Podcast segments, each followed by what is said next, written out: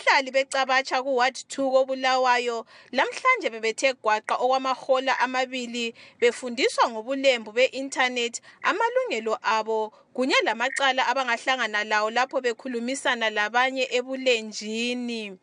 Ekhulumisana labahlali becabatsha umhleli wezebulenjini emisa zimbabwe unkosazana kholiwe nyoni majama uthe bakubone kuqakathekile ukuphuma ijumo beyekhulumisana lozulu ezigabeni zonke zelizwe ngesikhathi kulungiselelwa ukhetho lomnyaka ozayo.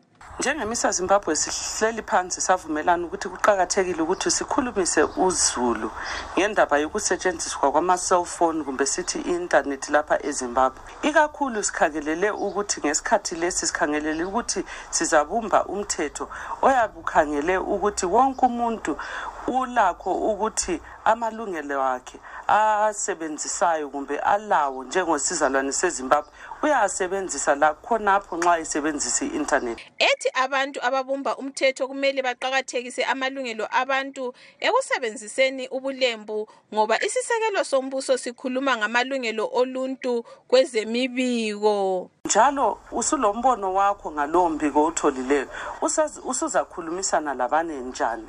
Njalo njengezizalwane zezimbabwe sibe ngabantu abenelisa ukuthi nxa kusiba lezinto ezenzakalayo ezweni lethu okufana lama-election abantu bazi ukuthi kathesi sokule intanethi ekhona kodwa ziningi izinto okumele zinanzelelwe kulo mthetho esiwuyenzayo. Kumele sikhangele ukuthi laba abantu abawubumbayo lowo mthetho bayaqakathekisa amalungelo abantu ekusetshenzisweni i-intanethi isakhamuzi secabatsha umnumzana lazarus masuku ubonge kakhulu uhlelo lokufundiswa ngobulembu ethi lubavule amehlo. Siyathaba kakhulu ngoba yiyo into eqondileyo ukuthi uma ukhuluma iqiniso liyazibonakalisa lebantwini bezwe lento engabe iyakuhlupha kube sobala lakumuntu olaleleyo yikho-ke siyabonga kakhulu abantu abami ngokuzosifundisa into enje abantu abaningi ade bengakwazi konke lokhu umnumzana mandle nkosi ncube. Uthe ubulembu kunye lenhlelo ezizalayo yizinto ezinhle kodwa ziyazisinda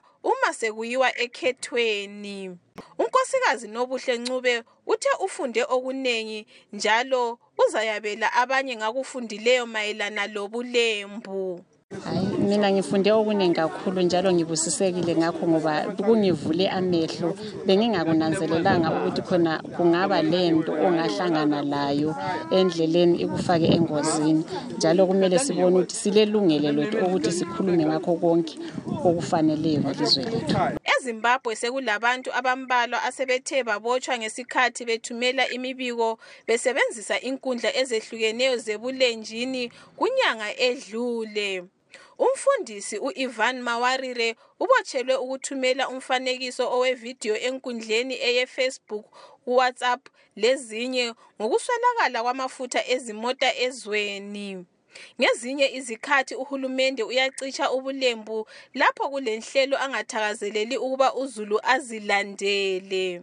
Inengi labantu ecabatsha bakhale ngentengo yokungena ebulenjini bethi iphezulu njalo amankampani abomakhalekhukhwini lapha kumele bengabizi intengo ephezulu kakhulu ukuze uzulu wonke afinyelele imibiko eza ngobulembu.